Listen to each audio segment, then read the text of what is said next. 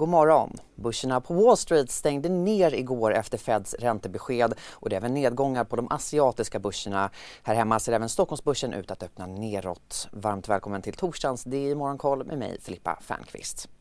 Och vi börjar i Asien för där håller Tokyobörsen helgdag stängt idag på grund av att det är kulturdagen i Japan idag.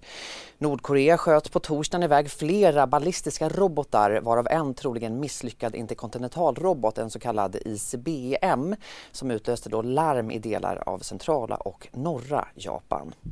På de börser som håller öppet på den asiatiska kontinenten så är det som sagt nedgångar som präglar handelsdagen. I Fastlandskina så är Shenzhen och Shanghai ner en halv till ungefär 1 Kinas eh, tjänste-PMI sjönk i oktober för tredje månaden i rad till 48,4 vilket är längre ned i kontraktionszonen. Den kombinerade PMI sjönk till 48,3 och senare idag så får vi ta del av svenskt och amerikanskt PMI. Mest i Asien faller Hongkongbörsen som är ner nära 3% den eh, sydkoreanska börsen däremot handlas i sidled men eh, bland eh, enskilda aktier så backar Samsung Electronics, Hyundai Motor och hårdvarutillverkaren Hynix mellan 1 till 2% vardera. Det får lämna Asien för att USA var onsdagen minst sagt turbulent med breda nedgångar efter Fed-chefen Jerome Powells besked om att han nu ser en högre räntetopp än tidigare, något som fick marknaden på fall. There is significant uncertainty around that level of interest rates. Even so, we still have some ways to go. And incoming data since our last meeting suggests that the ultimate level of interest rates will be higher than previously expected. Our decisions will depend on the totality of incoming data and their implications for the outlook for economic activity and inflation. We will continue to make our decisions meeting by meeting and communicate our thinking as clearly as possible. Mm, som väntat så höjde Fed styrräntan med 75 punkter och breda S&P 500 sjönk till 2,5% Dow Jones backade nära 2% och tekniktunga Nasdaq tappade 3% Flera stora teknikbolag föll där både Apple och eh, Microsoft backade runt 3,5% medan Amazon handlades ner med nära 5% Storbankerna gick åt olika håll där Goldman Sachs steg marginellt medan bland annat JP Morgan och Bank, och Bank of America backade. Vi är specialister på det vi gör, precis som du. Därför försäkrar vi på Swedea bara småföretag, som ditt. För oss är små företag alltid större än stora och vår företagsförsäkring anpassar sig helt efter firmans förutsättningar. Gå in på swedea.se företag och jämför själv. Bland eh, de få vinnarna fanns eh, flygplanstillverkaren Boeing som var upp nära 3% efter att vd David Calhoun slagit fast att han inte ser något behov av kapitaltillskott i bolaget.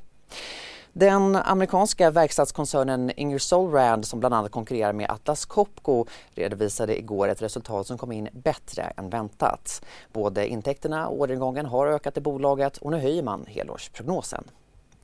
Twitters nya ägare och VD Elon Musk planerar att eh, sparka hälften av de anställda på Twitter, närmare bestämt runt 3 700 personer. Det hävdar källor till Bloomberg.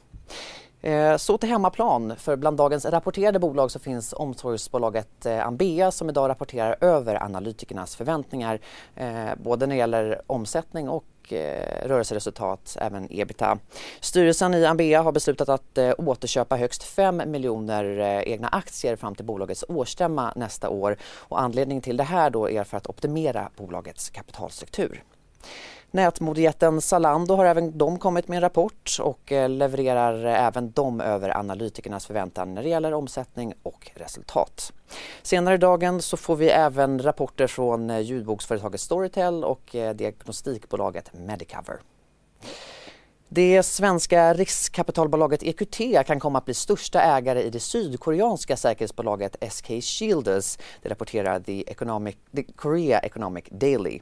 Det sydkoreanska bolaget jobbar bland annat med cybersäkerhet under varumärket Infosec men även med fysisk säkerhet som larm. Och det här köpet ska inte vara genomfört än men enligt uppgifter till tidningen så kan det komma att ändras inom en snar framtid. Erik Selins eh, fastighetsjätte Balder köper tillbaka obligationer för drygt 1,6 miljarder kronor. Det framgår av eh, utfallet från Balders erbjudande om återköp. Idag är det Norges och Englands tur att lämna räntebesked och apropå England så planerar den brittiske premiärministern Rishi Sunak och finansminister Jeremy Hunt att förlänga och utöka den tillfälliga skatten på övervinster, så kallad windfall tax i eh, olje och gasföretag, vilket då ska ta in nästan 40 miljarder pund de kommande fem åren. Det rundar av dagens morgonkoll, men för dig som vill ha fler börsnyheter, du kan vara lugn för Börsmorgon börjar klockan kvart i nio och Börskoll klockan 14. Fram till dess följer du nyhetsflödet precis som vanligt på di.se. Tack för mig. Expressen gör varje vecka podden Politikrummet där vi djupdyker i det senaste och viktigaste inom svensk politik. Med mig, Filippa Rogvall, som programledare tillsammans med mina vassa kollegor. Och det är ju ni som heter Thomas Nordenskjöld, Anette Holmqvist och Viktor Bartkrum. Politikrummet kommer med ett nytt avsnitt varje tisdag. Vi hörs. Hej, Synoptik här. Hos oss får du hjälp med att ta hand om din ögonhälsa. Med vår synundersökning kan vi upptäcka både synförändringar och tecken på vanliga ögonsjukdomar. Boka tid på synoptik.se.